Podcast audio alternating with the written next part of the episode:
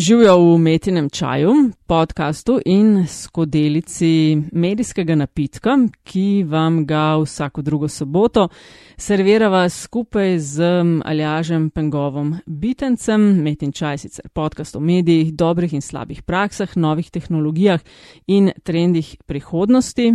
Gostje v medijih delajo, z njimi živijo in o njih razmišljajo. Hvala vsem za deljenje eh, naših epizod. Eh, komentarji in predlogi, kot vedno, dobrodošli na infoafnametinalista.sim ali pod ključnikom metin čaj zaljažem, pa naj oba eh, lahko podsukate za rokav tudi na Twitterju.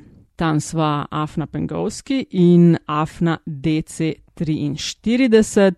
Tokratni epizodi Gostja je Barbara Šurk, Barbara Zdravo. Pozdravljena, živijo. Si boš morala pomagati samo z mano.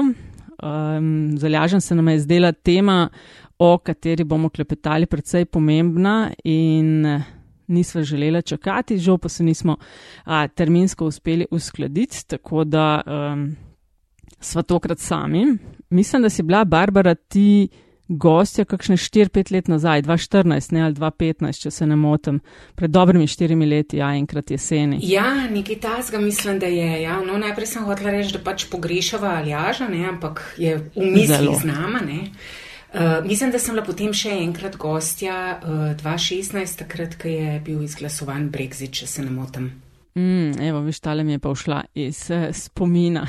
Ja, 177. Ja, ja. epizoda, že Barbara, to. Tako da uh, si pa ena redkih, ki so pred mikrofonom večkrat, uh, mikrofonom etenega čaja. No, to mi je pa včasih. Uh, Pogovarjali se bova, ok, še predtem moram seveda reči hvala vsem, ki podpirate delovanje Metine liste, ki investirate uh, v naš projekt, da lahko različne podcaste, ki jih uh, ustvarjamo na mreži, od Metamorfoze, Meta podcasta, LDGD-ja in Metinega čaja, uh, kmalo bo oživela tudi Evropska četrt. Hvala vsem, ki nas podpirate v vseh različnih oblikah in res lepa hvala za investicije.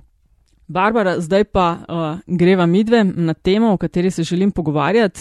Uh, začetek letošnjega leta je brez dvoma zaznamoval ta atentat v Iranu oziroma v Iraku ter zaostritev odnosov na relaciji Iran-ZDA. Zdaj pa ti si bila dopisnica, pa 15 let si preživela na Bližnjem vzhodu kjer si za ameriško tiskovno agencijo poročala iz vseh možnih držav na tem eh, res eh, razburkanem območju.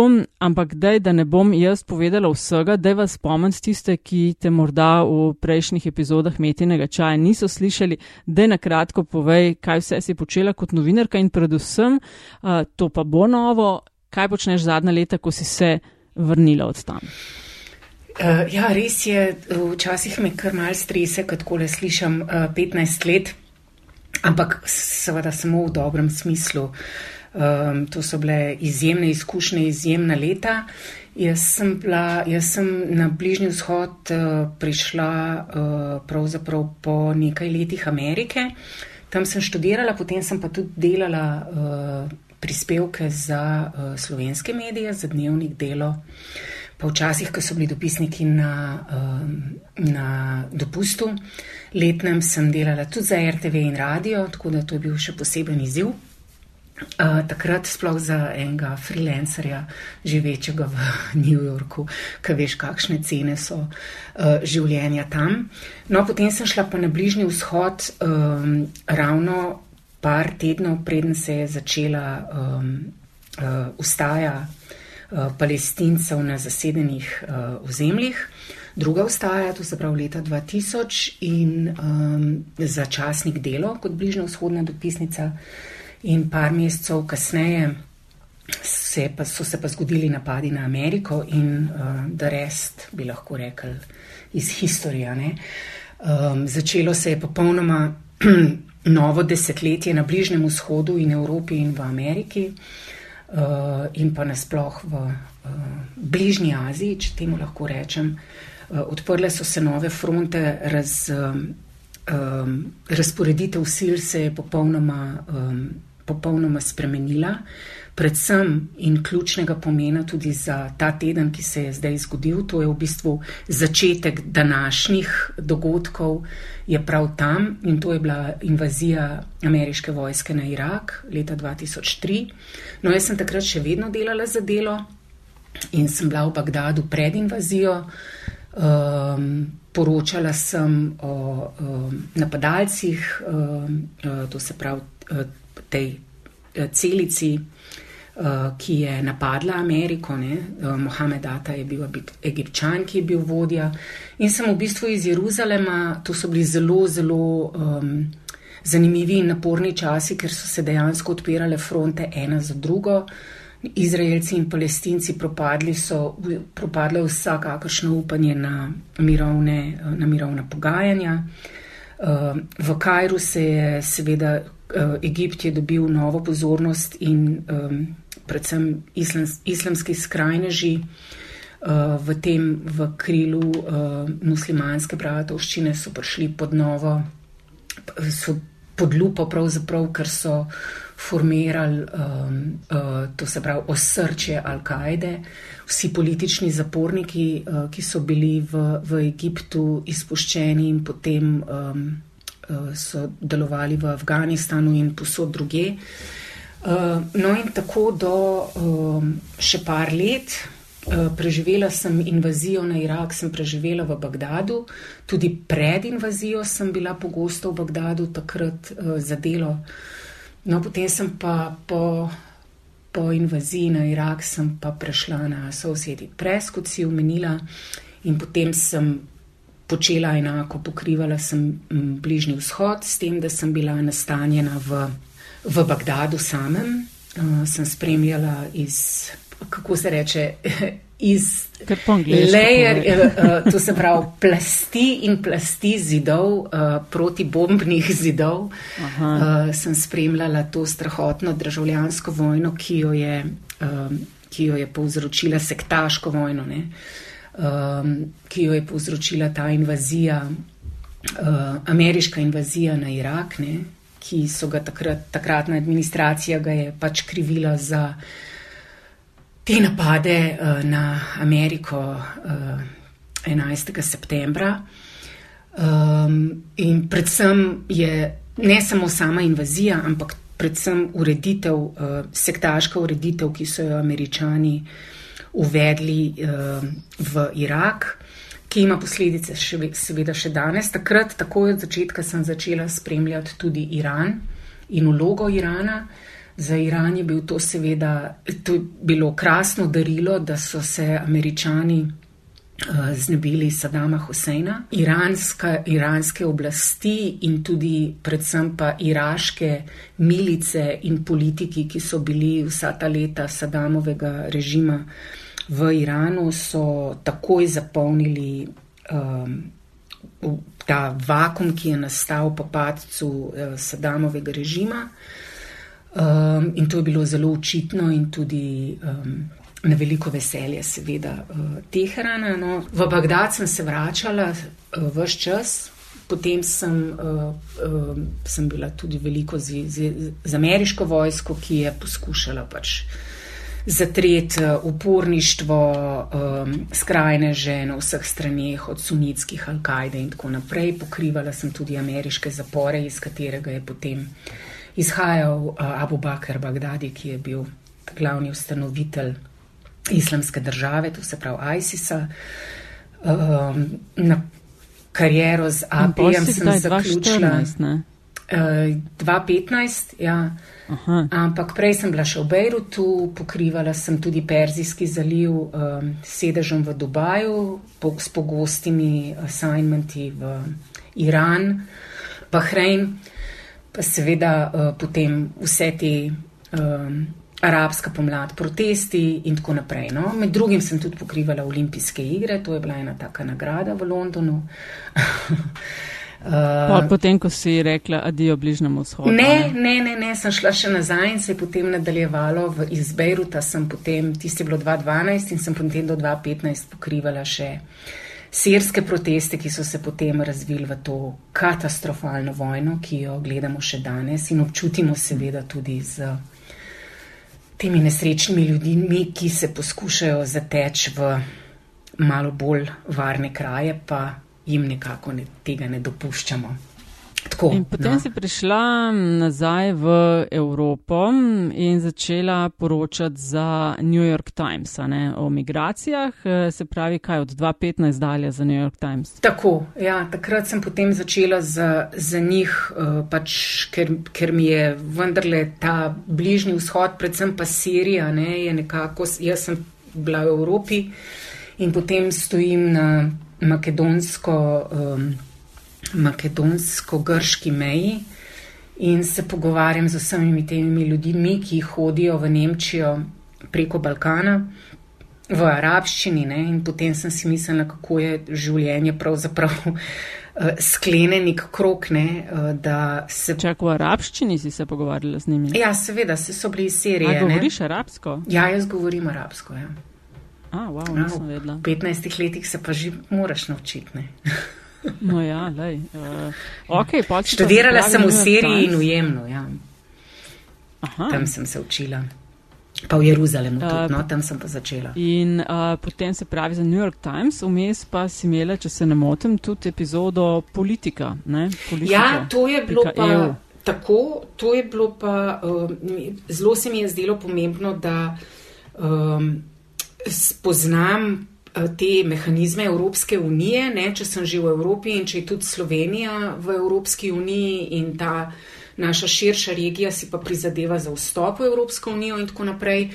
Tako da se mi je zdelo zelo pomembno, da uh, nekako, um, da se vrnem ne, v, v, v stare domače kraje, pri tem mislim Evropo ne, in da pogledam, kaj zdaj to je. V bistvu, da sem uh, dopis, da sem dopisnica v tujini, ampak pokrivam uh, domovino, no, če tako lahko rečem. Ne, kar, pod kar jaz razumem, res širšo regijo, ne, celo kontinent, če hočeš. Ne. Um, in se mi je pač zdelo to zelo pomembno, da to spoznam, in politiko je takrat ravno začel, to je ta offshore politika v Washingtonu. Ne. Um, in oni so imeli en tak zanimiv uh, pristop do, um, do tega Brussels Bubble, no, bi jaz temu bolj rekla, ker nekako se mi je potem zelo hitro tam zazdelo, da dejansko lahko res do dobra spoznaš uh, mehanizme Evropske unije. In um, vse te vertikale, ki jih uh, zelo slabo poznamo. Ne. Moram samo še to povedati, da sem jaz pač vse to pridruževanje Slovenije, Evropski uniji in NATO in vse to, vse to sem jaz gledala iz bližnjega vzhoda. Ne. Tudi Schengen, recimo. Ne. Jaz sem odšla takrat, ko so meje še kako veljale tukaj. Ne. Eh, tako da to mi je bilo potem, glede na to, da sem tako prosto se gibala in sploh nisem mogla verjeti, da se to lahko zgodi ne, v, teh, v teh krajih, kjer se je sto let dobesedno prelivala kri za te meje, da je, da to, dos, da je to bilo doseženo, je bilo meni vrhunski dosežek, ne, ki mora obstati na, na vsak način. Ne. In ja, mora. Ne. In um, tako da, no, ampak in prek politika, potem je pa seveda, sem pa prišla v Evropo in uh, tam sem bila pa spet kar naenkrat, uh, ne kar naenkrat za mene, kar naenkrat je veljal, veljala, um, veljal moj potni list, moje državljanstvo, ne, nisem bila nikakor tako. Prav zanimiv, zanimivo mi je bilo, ker sem se vrnila nekje v 90-ta, ko so nas te zahodnjaki vendarle um, uh, nekako drugače dojemali. Jaz mislim, da je tega konc, ne, meje so padle, vsi smo eno.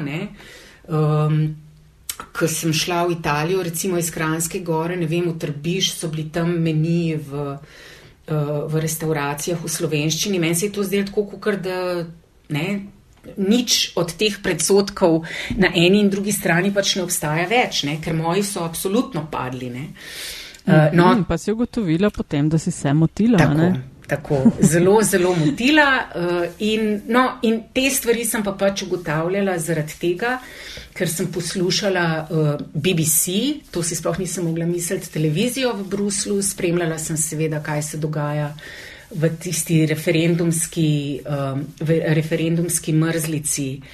Um, Brexit, misliš? Tako, ne, v, ja. v Angliji, kako uh, zmedeno in pravzaprav tako v takem zanikanju živijo ostale. Uh, Lahko rečem temu zahodne članice Evropske unije.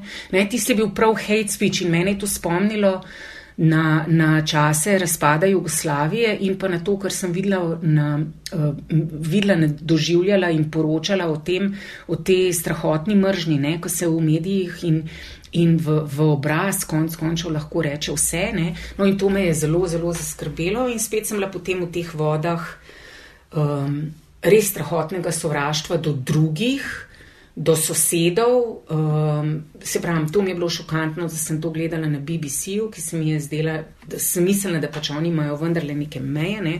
Politiki so bili uh, v, v Veliki Britaniji, Angliji pravzaprav. No. Tako da potem sem pač ugotovila, da uh, te, pa zgodili so se tudi uh, napadi v Parizu in um, uh, ko sem bila na, na politiku in v Bruslu, prav zraven naše pisarne. In to me je zelo šokiralo v eno drugo realnost, kjer sem ugotovila, da eh, moje želje ne, po povratku v Evropo, kjer bo eno normalno, lepo življenje, kjer bomo šli vsi v enih na kosilo. Ne, Da je vojna prišla za tabo. Da je vojna nekako prišla za mano. Ja. Eh, Barbara, brez dvoma si ena najbolj izkušenih, če ne najbolj izkušena slovenska novinarka, eh, ki je spremljala tisto dogajanje, ki je živela tam, zdaj pa bi res rada, da poskušava v čaju razložiti, kako razumeti zadnja dogajanja in jih postaviti v en kontekst in predvsem tudi, kako resno ali pa neresno jemati posamezna medijska poročanja, ker uh, verjetno se bomo strinjali, da je resnica nekaj, kar je v vojnah ponavadi prva žrtev. Ne? Se pravi, v začetku leta se je zgodil ta atentat na enega najpomembnejših ljudi v Iranu. Mnogo tere analize smo slišali, eh, res me pa zanima tvoje mnenje. A se ti je zdel ta napad, ki mu je sledila uh, raketna, vem, protiofenziva Irancev, uh, presenečenje ali bolj ali manj konsistentno z ZDA politiko do Irana in tistega dela sveta. To je res, Ta, kdo bi si mislil, da je en teden, uh, deset dni ja. minilo tega leta. Ne?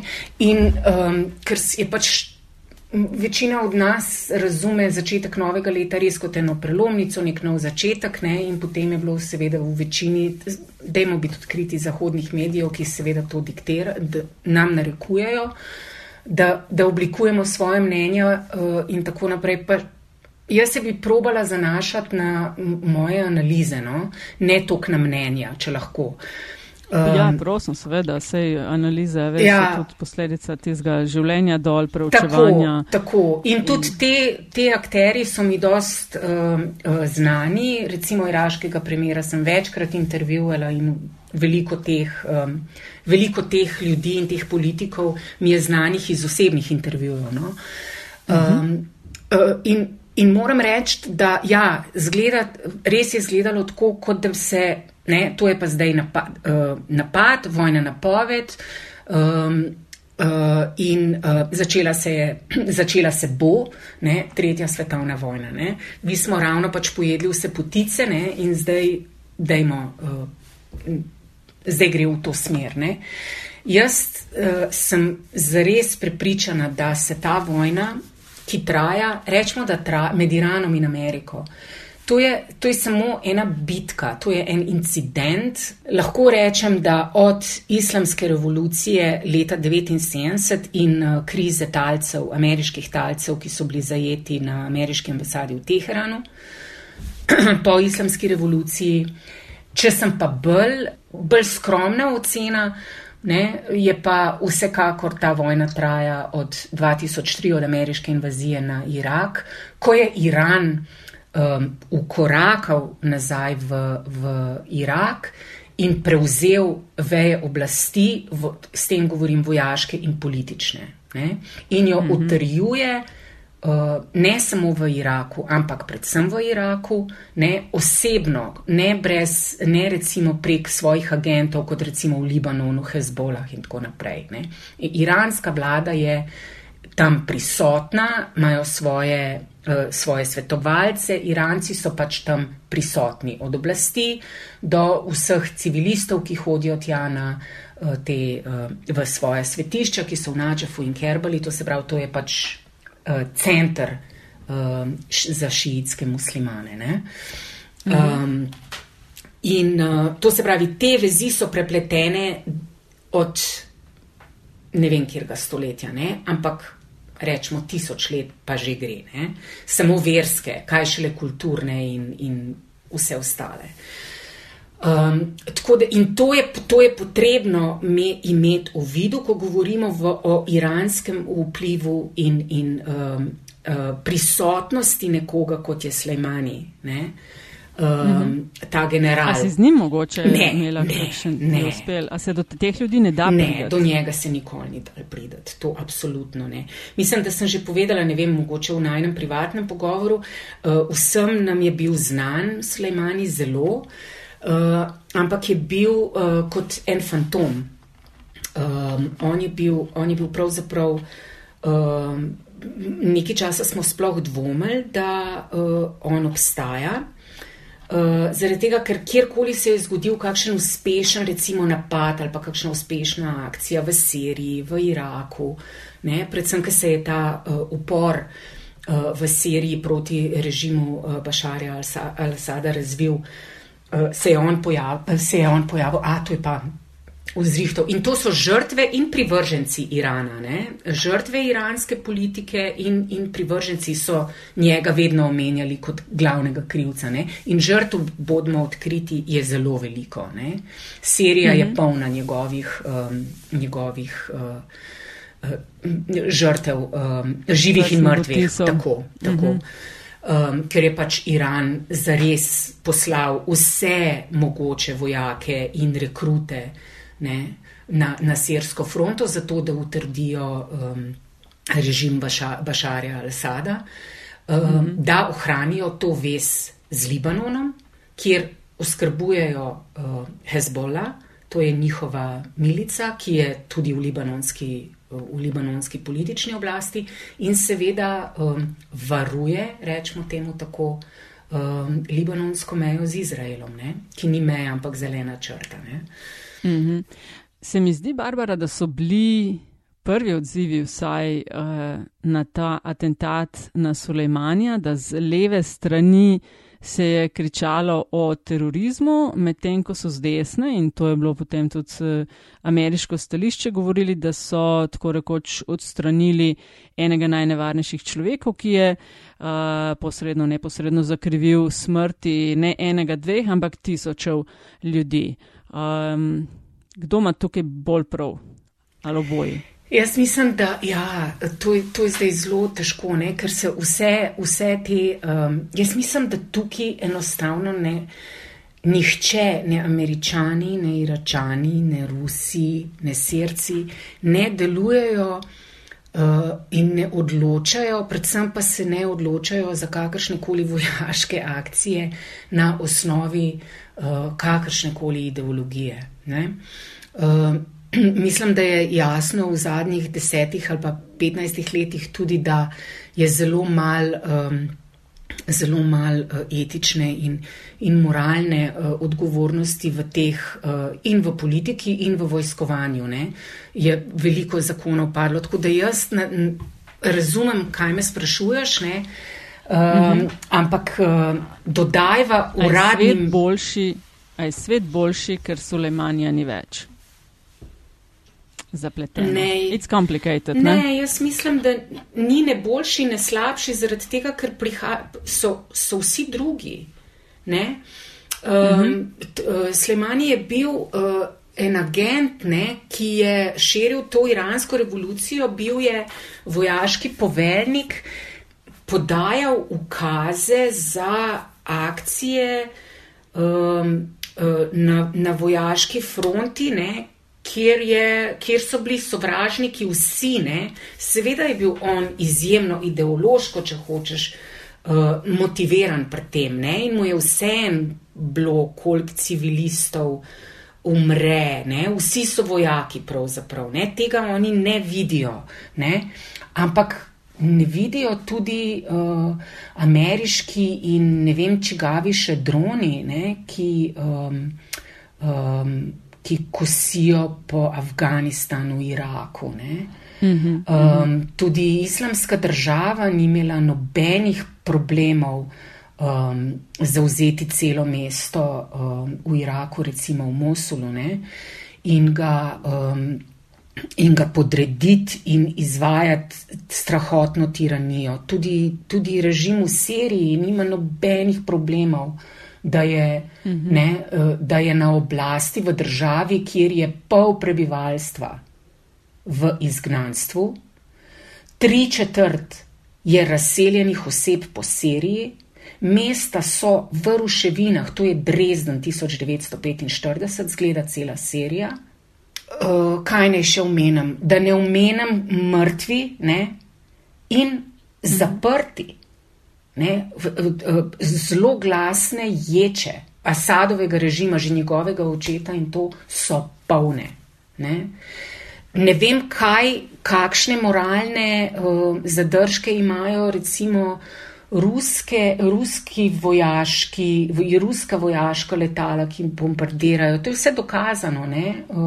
So video posnetki, pogovori z ruskimi piloti, bombardirajo bolnice in, in o šolah sploh in tako ne moramo več govoriti, ampak bolnice.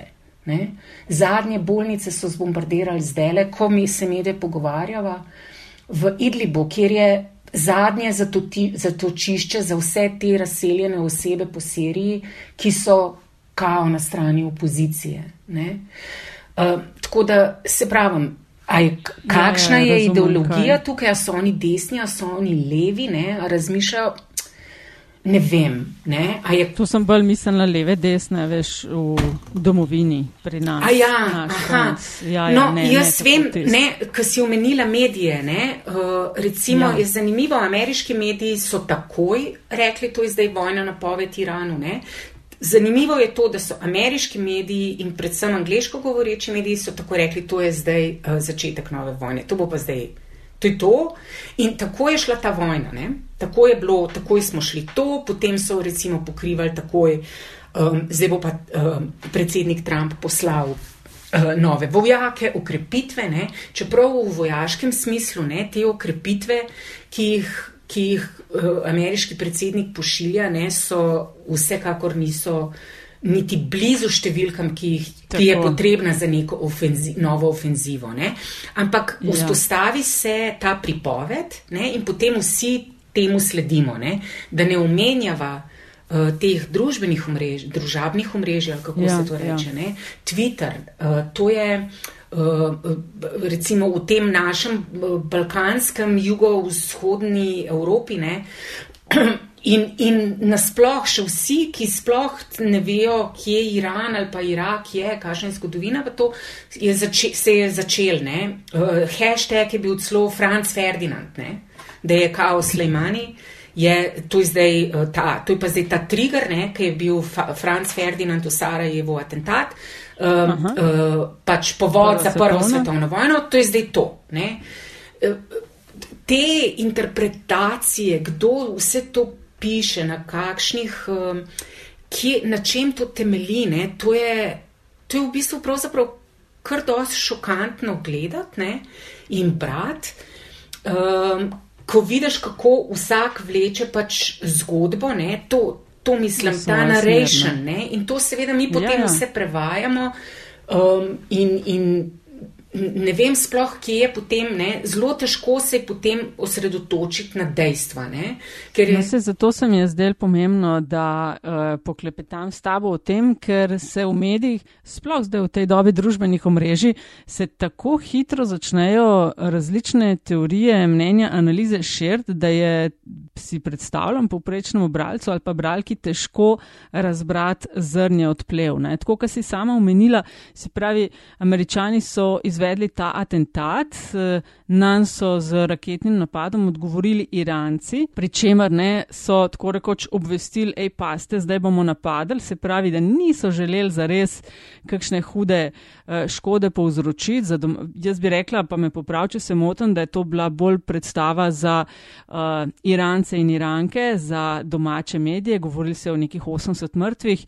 Uh, kar jih druga stran ni niti približno ne potrdila. Zdaj pa me zanima tudi, potem se je čakal, kakšna bo reakcija Trumpa ne? in so vsi, ja, vojna, vojna, gor dol, je bila pa zelo drugačna. Uh, a je Trump v bistvu njihov človek, glede na to, da od začetka svojega predsedovanja pravi, da on hoče stran od tam, da njega intervencionizem ne zanima. Ja, uh, jaz predvsem mislim, da je Trump, uh, predsednik Trump je sam svoj človek, bi jaz rekla. Ne? Jaz mislim, da on ni nikogaršnji človek. Uh, jaz bi uh, to izmenjavo, ki si jo ti omenila in te reakcije, in to bi jaz predvsem pripis, pripisala um, uh, Irancem. Ne? Uh, mislim, da jih, da, da, ne samo duhovnemu temu voditelju Hameneju, ampak uh, tudi temu samemu vodstvu, ne, kjer se vedno znova potrdi, ne glede na to, kaj si mislimo, kaj Iran ne, kako izgleda v tujini in tako naprej, kakšne te reakcije, ampak to je vendarle ena urejena država, ne, um, zelo po svoje narejena država, ne, ker je Islamska republika in je, ima izdelane, z, zelo izdelane paralelne sisteme uh, odločanja.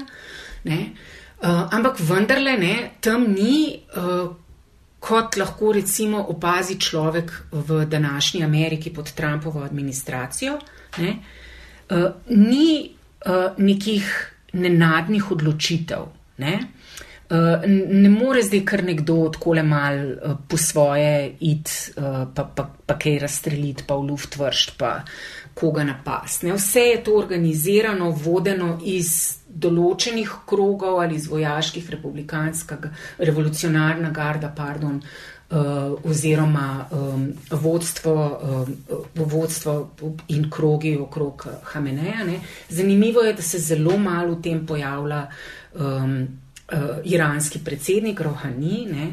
Uh, če, bi bil, če bi to bili še vedno časi um, Ahmedine Džada, si lahko, ne, če, če se ga spomniš, mogoče veš, ne, kako bi to bilo verjetno zelo drugače. Ne.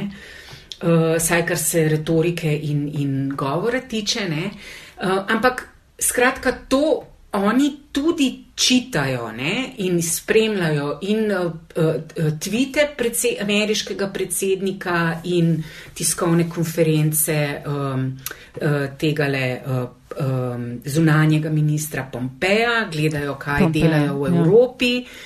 uh, v Nemčiji in se potem temu odzovejo. Uh, Jaz bi rekla tako.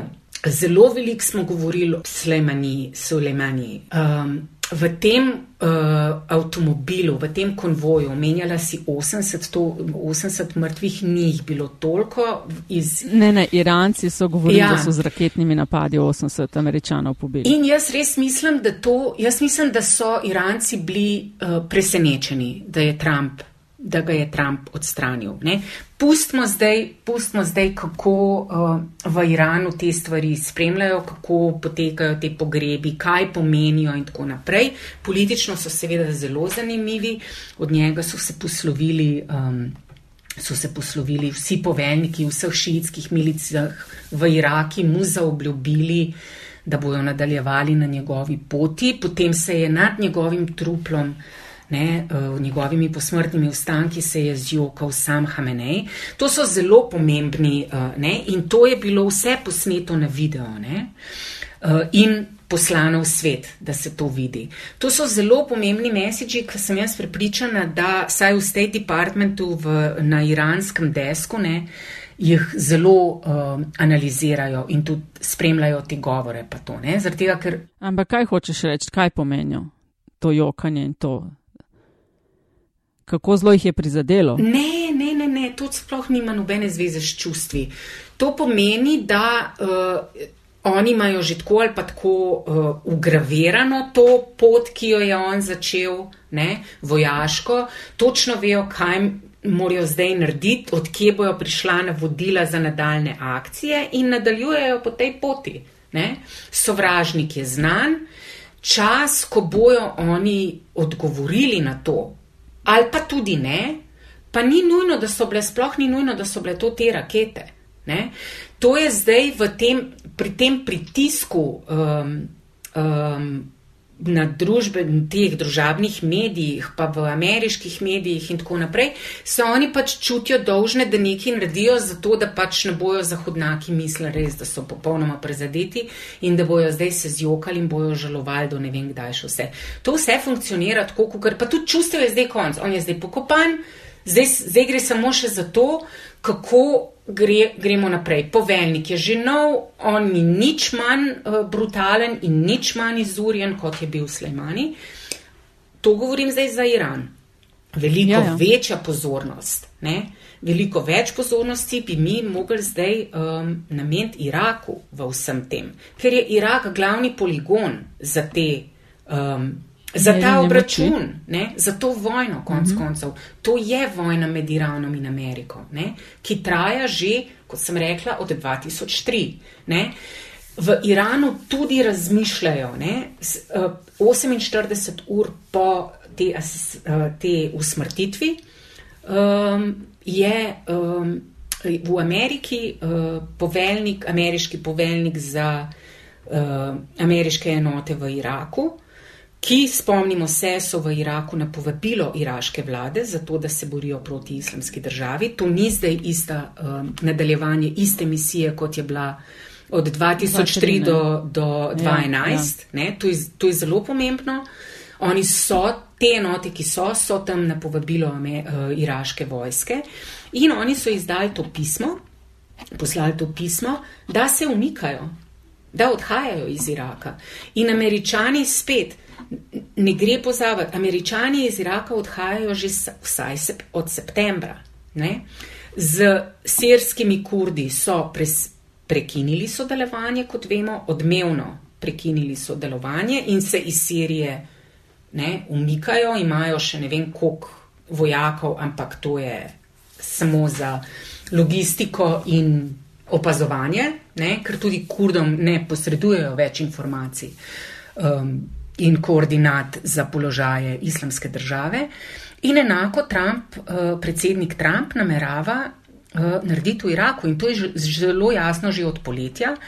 Zelo je znižal eh, število prisotnih diplomatov v, na ambasadi v Bagdadu, ki je največja ameriška ambasada um, na svetu.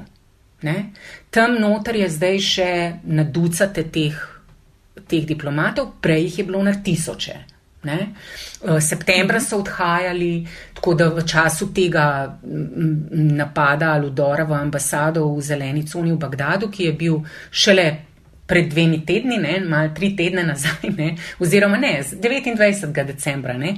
Mislim, kako čas pravzaprav gre hitro ja, pri teh ja, dogodkih. Se je bilo eno leto umesla iz 19 na 20. Tako, ne, no, ampak hočem povedati, in to je zdaj nadaljevanje. In Da se vrnem, zakaj poudarjam v vsem tem, da je Irak zelo pomemben. Zaradi tega, ker Irak pa ni tako stabilna ne, um, politično in vojaško država. Um, je, je zelo odvisna od Irana na eni strani, na drugi strani, in to govorim zdaj o uradnem Bagdadu, ne, uh, to se pravi uh, vlada in vojska in tako naprej.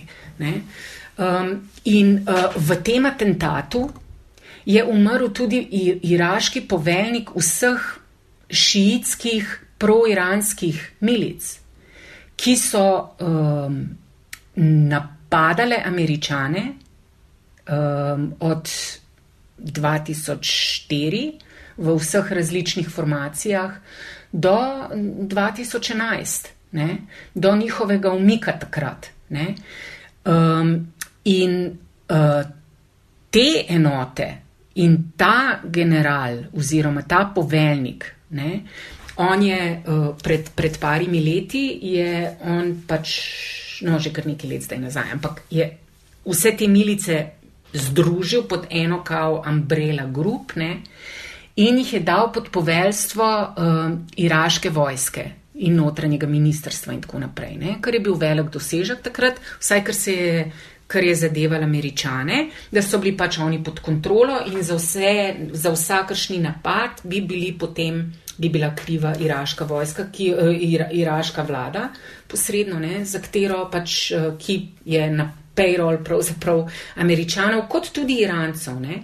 Seveda so pa te milice prišle Ameriki zelo prav, ko so se američani vrnili, ker so se oni pod krinko, uh, ne pod eno tako tančico skrivnostnosti, čeprav smo vsi pač to vedeli, skupaj z američani, tako kot kurdi na severu, borili proti ISIS-u, ne, proti islamski državi.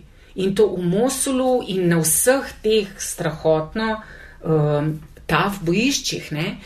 Um, in takrat ni bilo popolnoma v ameriških, v ameriških medijih, če greste gledati, to ni, to ni nobenih, uh, nobene kritike več, pa te pro-iranski teroristi v Iraku, pa tako naprej. So se besede in definicije zelo, zelo. Um, zelo spremenile. Ne? Iraška vojska, ki so jo američani sestavili po um, strmoglavljanju in razgraditvi uh, uh, uh, iraške vojske 2003, ne? je um, sestavljali, oboroževali, urili, ne? tudi NATO je to počel, ampak američani še posebno, ne? from the ground up. Um, je pobegala iz Mosula, da je ISIS tako v treh urah Noben se ni boril, vsi so šli domov in to besedno pobegana. Kdo je izboril mesta na severu, ti krit? To so bile vse te milice z ameriškimi informacijami. Tako da to, ta vojna, ta bitka med, med Ameriko in, in, in, in Iranom, kot sem rekla, traja. In potem so včasih te uh, zavezniki, uh, ne, convenience, ne, alliance of convenience pa se pa spet malo ne marajo. Ne?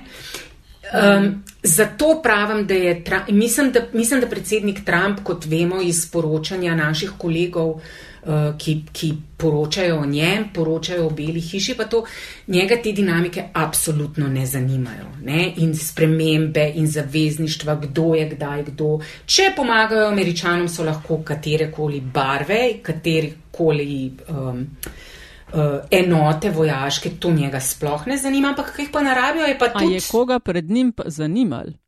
Vse tudi drugih zares ni zanimal. Mogoče se kakšno leto dlje zavezništva s kom ohranjali, ampak načeloma, če jim je kdo prav prišel, so sodelovali z njim. Tako, ampak mogoče pred... s kakšnimi bolj javno, s kakšnimi pa ne tako zelo, da ne bi izpadli nekonsistentni. Predvsem je potrebno to, njih je zanimalo, na kateri strani so in kdo gre zaradi tega, ker so imeli veliko več vojakov uh, v Iraku in jih je zanimalo, kdo napada uh, te in kdo jih ščiti. Ne?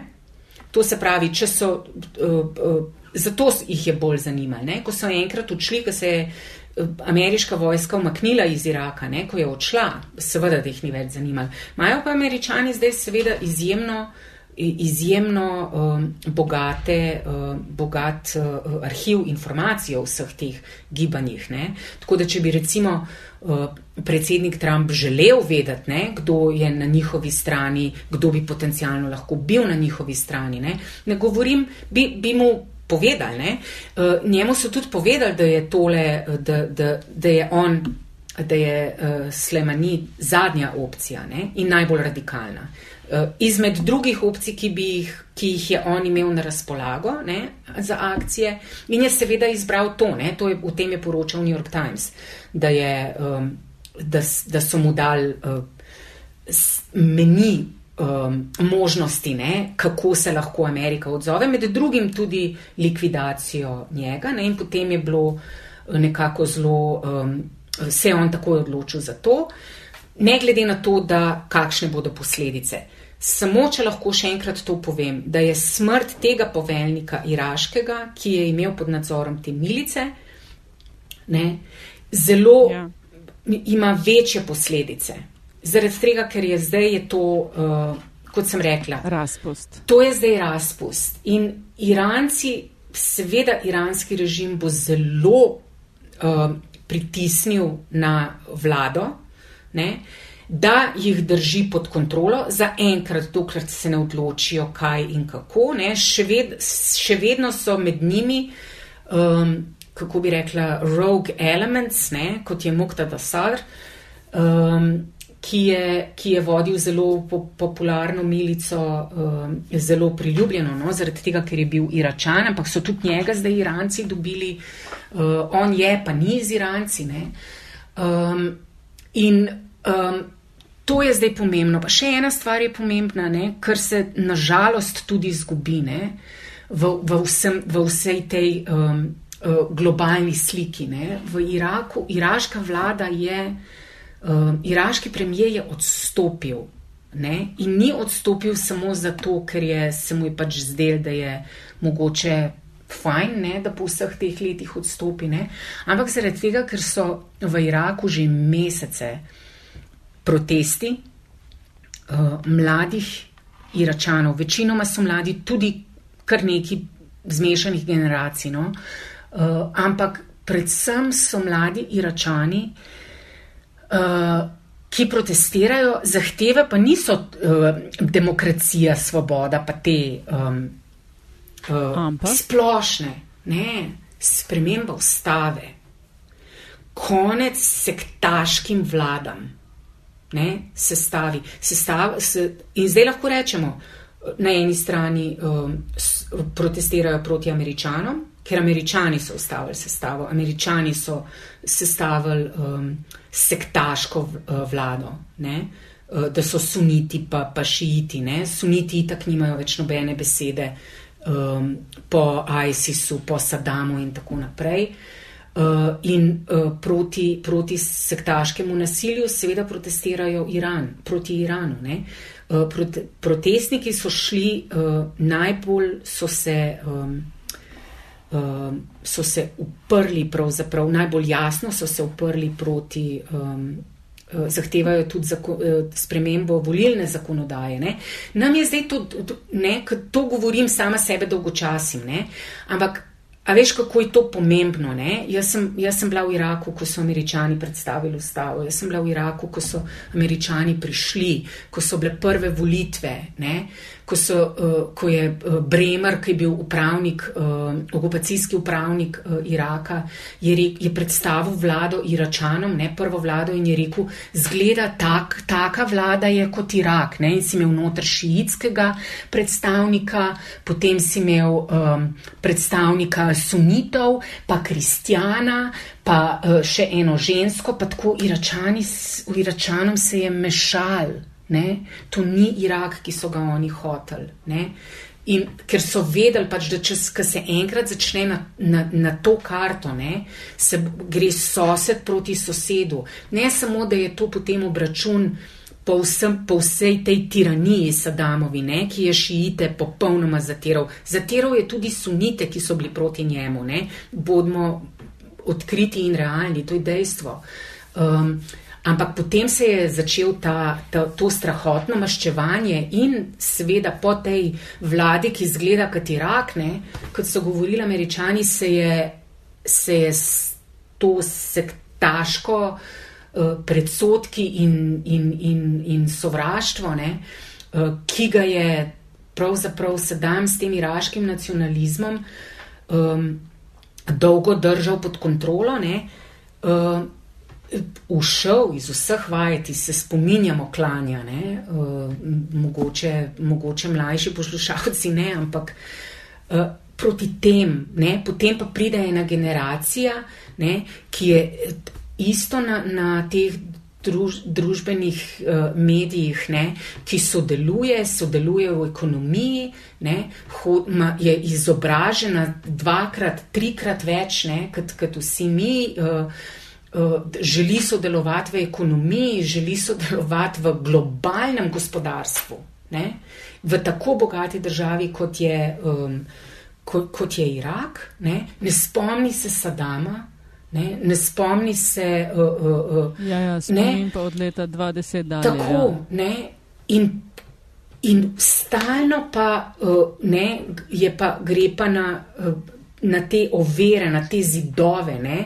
Mnogi, recimo iz takih mest kot je Mosul, so išli iz te tem, teme, ne? Ab, absolutnega ne? tiranije, z tega uh, islamske države. Ne? Mislim, to je bilo strahotno in to niso bili sami račani, ISIS, to, to so krut vse posod druge, so prišli uh, ljudje tja živeti in, in zdaj iračanom, ki imajo tisočletja uh, um, urbane kulture, tudi pod Saddamom, tudi pod, pod vsemi temi diktaturami in v vseh teh vojnah, to, je, to, so, to so urbana središča. Ne? Barbara, dlje ko te poslušam, eh, bolj si mislim, da ni šans, da v naslednjih desetletjih lahko računamo na, na, na mir na tistem koncu sveta. Ja, jaz, jaz si tak ne vem, kaj je mir pravzaprav. Kaj, kaj, se pravim, če v takih razmerah lahko spraviš na, ljud, na, na ceste množice ljudi, ne, ki spravijo nekoga, kot je iraški premijer, ne, sredi vojne, ne, se sva rekle, in zahtevajo ustavne spre, za spremembo ustave. In ne, ne spet lahko pomnim z enim detajlom. Kaj je bil povod, da so ljudje prišli na, na, na ulice? Ja, to, vse to, kar sem zdaj povedala, ne, ne lakota, ampak to, da hočejo biti dejavni državljani. Ne. Irak ima zelo formiran nacionalizem zaradi tiste strahotne vojne v, um, uh, z Iranom. Iračani so Iračani. To je bilo vse skupaj neka vrnitev nazaj na ta plemenska, plemenska ureditev, za kar vsi krivijo američane, ker je to res. Ne? In kot pravim, uh, v teh razmerah, po taki izkušnji, recimo, ko je imela ta mlada generacija z, iz, z militantne islamske države, ne? Da jih lahko spraviš, ja, zdaj to so za njih in za vse ostale, to je, to je pot do miru. Ne bo ga pa zaradi tega, ker ne bojo tega dosegali. Zakaj? Zaradi tega, ker potem pride pa ena Amerika in spet nekoga um, usmrti, ne, ki nima pravzaprav, ki ima samo eno tako zelo destruktivno vlogo v Iraku, ne, in potem se spet pogovarjamo o tem, ne, kakšna je vloga Irana, kakšna je, kaj bo naredila iraška vlada, pred kom bo, bojo poklekljni zdaj te voditelji. Ne? In um, ja, se strinjam, ne? ampak pravim, jaz mislim, da. To ne, ne vodi, ne? ekonomije delujejo tudi v vojni, tudi v vojni nizke intenzivnosti, in tako naprej, ne? v Iranu, tudi med sankcijami. In, ampak dokler ne bojo te takšne oblasti in potem njihovi uh, meceni v tujini, ne, ki, ki, ki pač imajo svoje interese v tem, dokler jim ne bojo dovolili, da so dejavni državljani. Ja, jaz mislim, da, da miru ne bo. Ne. Mm, povej mi še, um, počasi bomo mogli zaključiti, ampak vsem bi me zanimalo slišati, uh, Evropska unija se zdi, da je za nekaj trenutkov v tem delu sveta postala player, resen player z sporazumom, ne, ki so ga sklenili z Iranom. A je to zdaj že za pozabiti, oziroma kakšno vlogo se ti sploh zdi, da Evropska unija igra na tem koncu? Ves čas govorimo o tej neki skupni zunanji politiki, potem pa pride do kakšnih resnih kriz, se pa začnemo po državah deliti in njihovih parcialnih interesih na tistem delu. Ja, jaz mislim, da dejansko res um, meni se zdi zelo težko govoriti o skupni zunanji politiki Evropske unije. Jaz mislim, da to ne obstaja. Um, predvsem ne, nikoli nisem zasledila, da bi um, katerakoli vlada, kjerkoli ali pa predstavnik, da bi se zanašal na izjave in, in um, ne, in pravzaprav zagotovitve Evropske unije v čemrkoli. Evropske unije, države članice je drugače. Ne, bi rajši pokličejo, po mojem, na ambasado Nemčije, Francije in tako naprej. Um, Zdaj, kar se tega sporazuma tiče, jaz mislim, da je bil to zelo, zelo pomemben sporazum, ampak nastal je pa ne, um, v, uh, tak, uh, v res ugodnih razmerah ne, in um, kot v partnerstvu z uh, administracijo v Ameriki, to je bila pač Obama ne, administracija, in absolutno ni bil popoln. Ne, ampak je bilo, uh, ni, ni pomembna Evropska unija v tem sporazumu. Ne. Pomembno je vodstvo v Iranu, ki je bilo odprto do tega in pomembna je ameriška, administracija, ameriška administracija in to predvsem to transatlantsko partnerstvo. Ne. Zato je ta uh, sporazum. In transatlantsko partnerstvo je bolj tako, tako, ameriška administracija je pa s trenutkom, ko je Trump nastopil mandat, je rekel, tega se sporazuma, se mi ne gremo več, odstopamo in priporočamo ne, tudi uh, državam Evropske unije, da storijo enako. Tako ampak države Evropske unije so pač uh, rekle, da ne, ne, da one bojo pa to hranile, ampak seveda one ne morejo, uh, Evropska unija kot taka ne more um, prepričati držav članic, ne, ne glede na to, koliko so dejansko. Uh, določene članice uh, profitirale ne, od tega sporazuma. Ne, uh, uh, glede na to, da je ta sporazum prišel v res bolj na, na ustrajanje um, držav članic Evropske unije. Um, uh, kot Amerike ne? in sicer v zameno za, za to, da so države članice Evropske unije podprle ameriške sankcije proti Rusiji. To je, to je po mojem zelo pomembno. Vezana trgovina. Ja, ja, zaradi tega, ker gre za, za trgovino in Evropska unija ne more ustati brez, brez vsega. Ne? Rusija je izjemni trg za, za države članice. Ne? Potem se je spet pokazalo, ne, da zanašanje na to, no, da bo uh, zunanji minister Evropske unije, rečemo temu tako, zagotovil, da bo uh, zagotovil Iranu, da se, bo, da se bojo vse države članice pridružile, uh, še naprej podpirale uh, ta.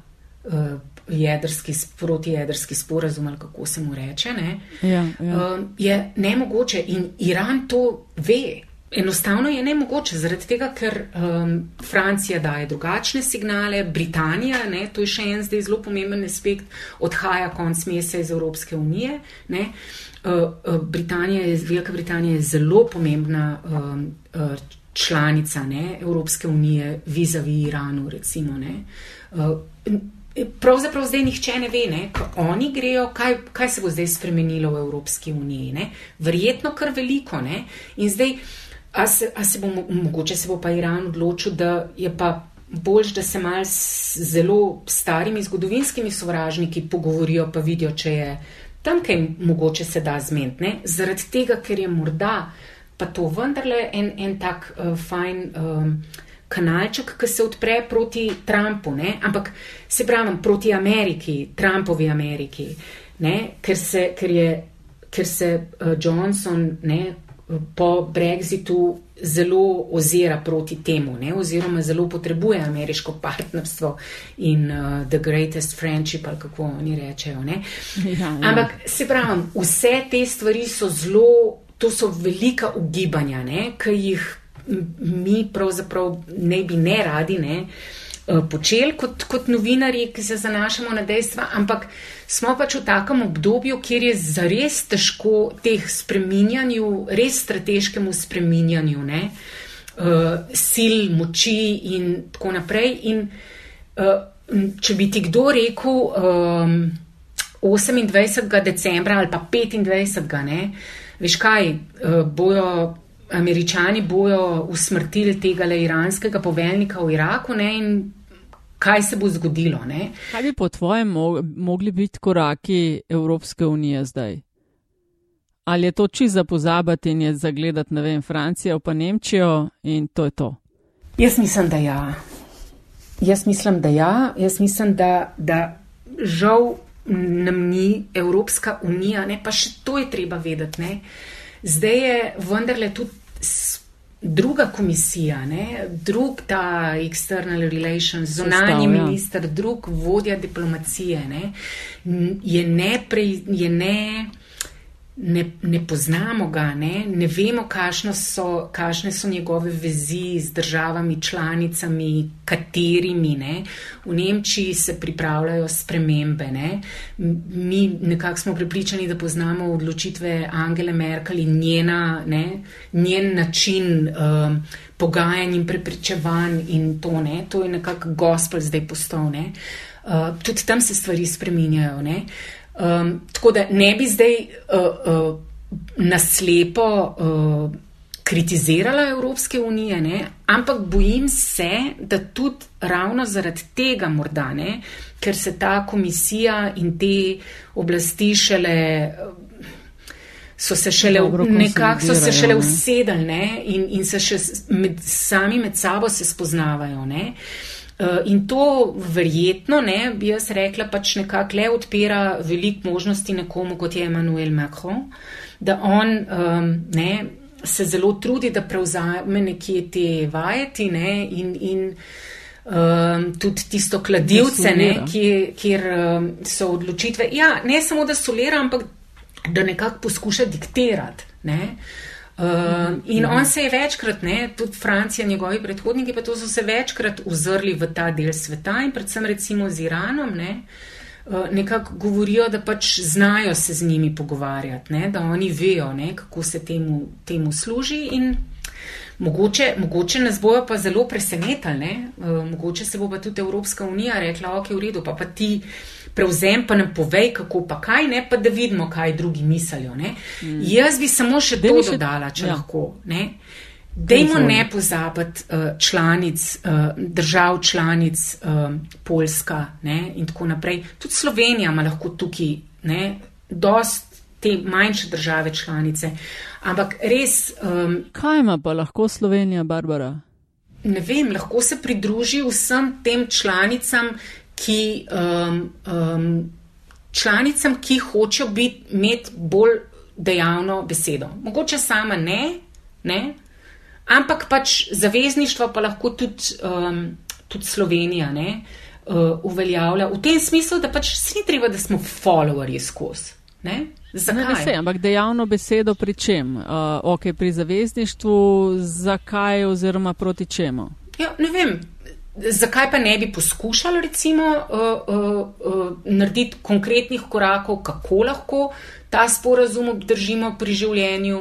Ne? Aha, o sporazumu govoriš. Ja, recimo. Ne, um, ne vem, predlaga se lahko, ne? zdaj vprašanje je ja, pa, ja. ne, in tudi poveže se mogoče z, z, z državami, ki vidiš, da mogoče mislijo tako, kot ti. Ne? Ni treba, da je to Francija, pa te kao zahodne države.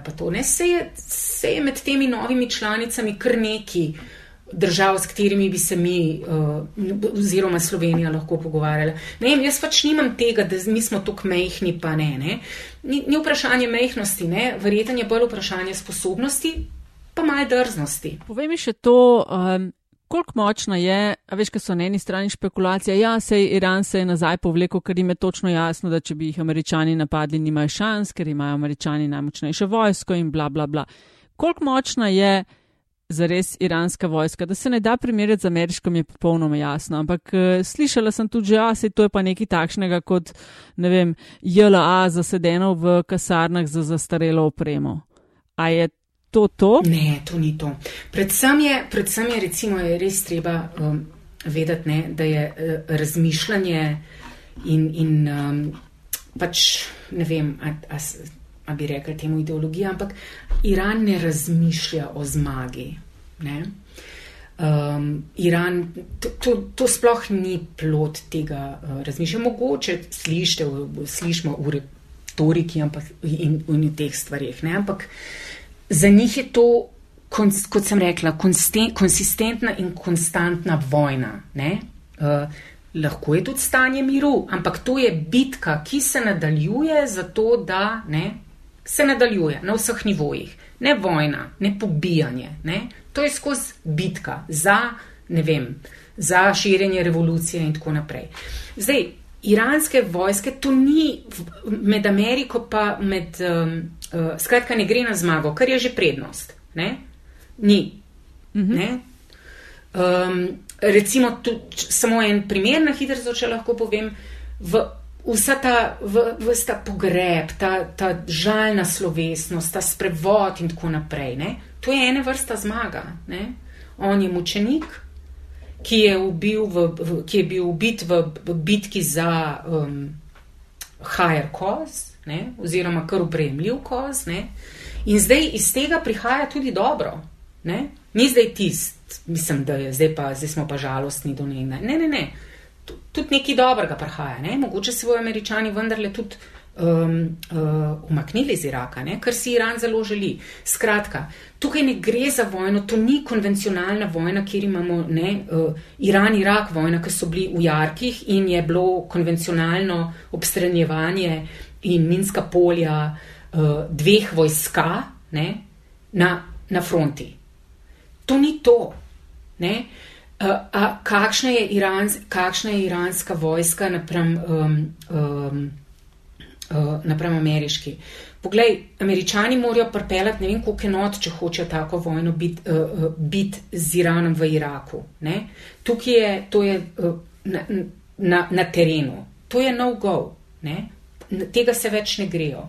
Iran ima um, ne samo moč v tej svoji republikanski gardi in um, um, kako bi rekla, konvencionalni vojski in možnosti nasilnega rekrutstva konc koncev svojih vojakov. Ne? To ni uh, demokracija, pa volontersko, pa tako naprej. To, oni lahko kar hitro dobijo vojake, ki jih pošljajo na fronto. Ne? Američani morajo vse to pripeljati od ne vem kje in dobiti dovoljenje, jaz ne vem kaj. Ne? Tako da tega se ne gre nihče več. Ne? To je, um, uh, kako se reče, disproportionate war, ne? v kateri imajo. Uh, ima kao manjša ne, uh, sila, vedno več možnosti, v tem primeru je to Iran. Ne. Um, oni so pripravljeni biti na terenu, medtem ko američani večinoma um, lahko delajo veliko iz zraka, ne pa, ne pa toliko um, v enotah. Ne. Potem, pa, potem je pa to še hybrid war, kjer smo in cyberspace in tako naprej. Ne, ne gre zdaj tukaj za rakete.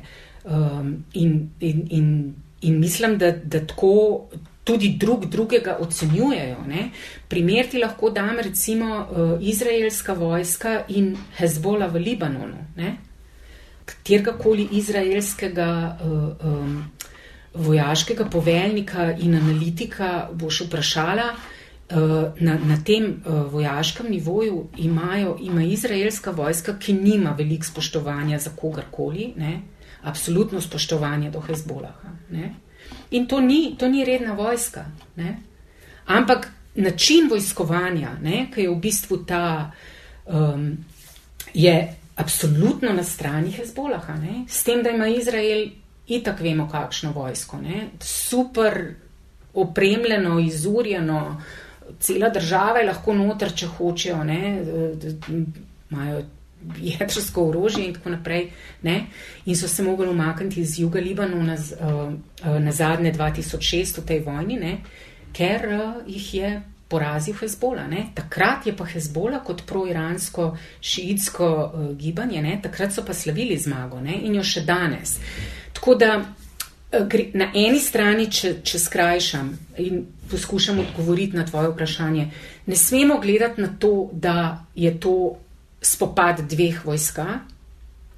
In ne smemo gledati na to, da gre katerakoli stran. Jaz mislim, da tudi američani in tudi Trump ne gre za zmago. Ne? Trump, ja, jaz mislim, da on hoče, ne smo to naredili, zdaj nas bojo bolj spoštovali. Um, in to je to. In to je potem za, uh, konz, ne, za, za predvolilno kampanjo. V Iranu se bojim, da tako stvari ne grejo. Ne? Če se ne mogoče zdi na pogrebu, da ja, to je pa zdaj za to, zdaj bojo šli pa vsi v vojno, ne? ni to res. Ne? Um, ne, ne, gledajo, ne, ne gledajo na to tako. Ne?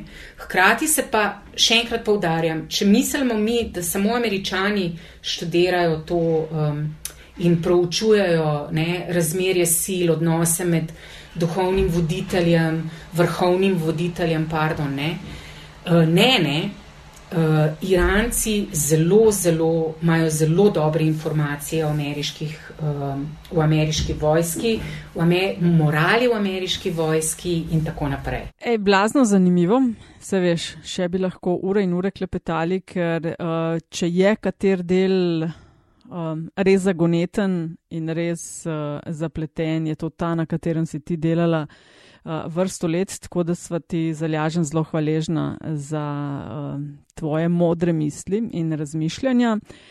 Kot veš, ne, pa Metin čaj vedno zaključujemo z vprašanjem o zanimivosti, anekdoti zgodbi, ki jo z nami deli gost oziroma gostja in videla sva že pred snemanjem uh, o tem malenkost poklepetali, namreč ti uh, pripravljaš po vseh teh letih in izkušnjah uh, knjigo o Bližnjem vzhodu, neke vrste politični memoarne in da je povej mal več. Uh, Kaj bo v tej knjigi, kdaj bo išla? v kdaj bo išla, lej, ne moreš se rešiti. Tako kot ti, kdaj boš pa doktoriral? Ja, ja, ja, ja, ja. Tega vprašanja. Ja. Um, lej, so... Maš naslov, maš naslov. E, delovni, delovni, ja.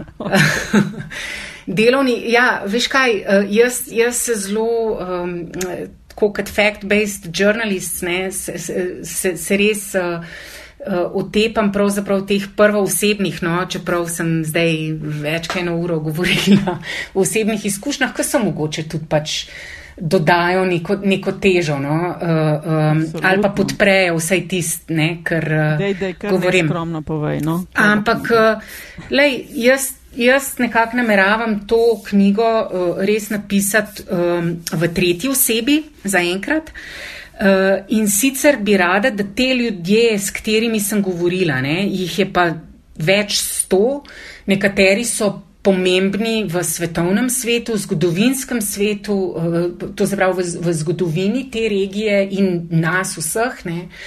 Uh, nekateri so zelo pomembni za me in, in um, predvsem so mi te, uh, lahko rečem temu, navadni ljudje, ki so vse, vse veliko več kot navadni, ne, pomagali nekako razumeti, razumeti ta, ta svet, kaj se je takrat dogajalo, in, um, in so mi.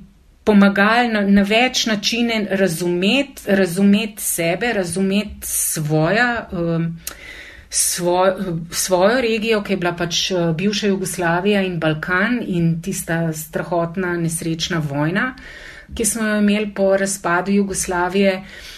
Um, in skratka bo časovni, časovni okvir bo um, od uh, začetka palestinske intifade, uh, to se pravi 2000, pa do begunske krize um, v Evropi. Ne, to, kar smo na začetku menili, ne, takrat sem jaz začela na Bližnjem vzhodu in potem sem se z Bližnjim vzhodom skupaj preselila uh, nazaj v Evropo in, in to svojo regijo, pravzaprav, kjer sem odraščala in ki jo pač zdaj vidim in doživljam in o njej tudi poročam občasno um, za New York Times, um, ampak res kot informiran, um, informiran in izobražen, uh, uh, izobražena novinarka v tej regiji, pa vendarle vidim veliko več stvari, dobro, le bodimo odkriti, sem tudi starejša. Um, ampak ja, zelo zanimivo je biti foreign correspondent v svoji domovini, rečemo temu tako. Um, in um, v knjigi bi se pa res, uh, imela sem velike bitke, recimo, kako začeti pisati, da bi, uh, da bi ne, ker borita se ta novinarka, pa pisateljca v meni. Um, joj, treba je ta zadnji, kako bom pa v to vključila, kako bom pa uno. Ne? In sem se potem na koncu le tok skulirala. In, in predebatirala tudi uh, s krasnimi prijatelji, uh, ki so tudi že napisali knjige. Uh, in sicer romane in um, to non-fiction, ne, Mojca Širok je recimo ta glavna moja um, uh, mentorica. No. Um, s, Dobro mentorico. Ja, absolutno. Ona je krasna. In uh, sem potem doživela pač ta res veliki dosežek in preobrat v tem svojem razmišljanju, da sem določila um, timeline. Ne? In kot sem povedala, se bo začela tam, to se pravi v Jeruzalemu, in končala se bo v Bejrutu in, in Siriji, oziroma na slovensko-hrvaški meji um, leta 2015. Vmes bojo pa kratke zgodbe, ki jih bo v, v obliki kratkih zgodb. No, se veš, jaz sem, uh, jaz sem le komparativistka, primerjalna književnost je moja, uh, moja diploma, filozofska fakulteta je moja ljubezen, tako da bom, bom tako zmešala, ne, da, bo, da bo vse res, ampak da bo vseeno v eni taki uh, obliki, da, da upam, no, da bo ljudi zanimali in bojo lahko prebrali katene take črtice, bi rekel Cankar, oziroma bi mi rekli v Cankarju, uh, samo da se dogajajo nekje druge ne, in še kako uh, pač so zanimive tudi za nas. Meni pa vsem tem zelo zanimivo to, ne, um, tudi z enimi mojimi prijatelji no, iz, uh, iz, iz Jeruzalema, ki so tudi uh, pisatelji in pišejo non-fiction, smo se veliko o tem pogovarjali.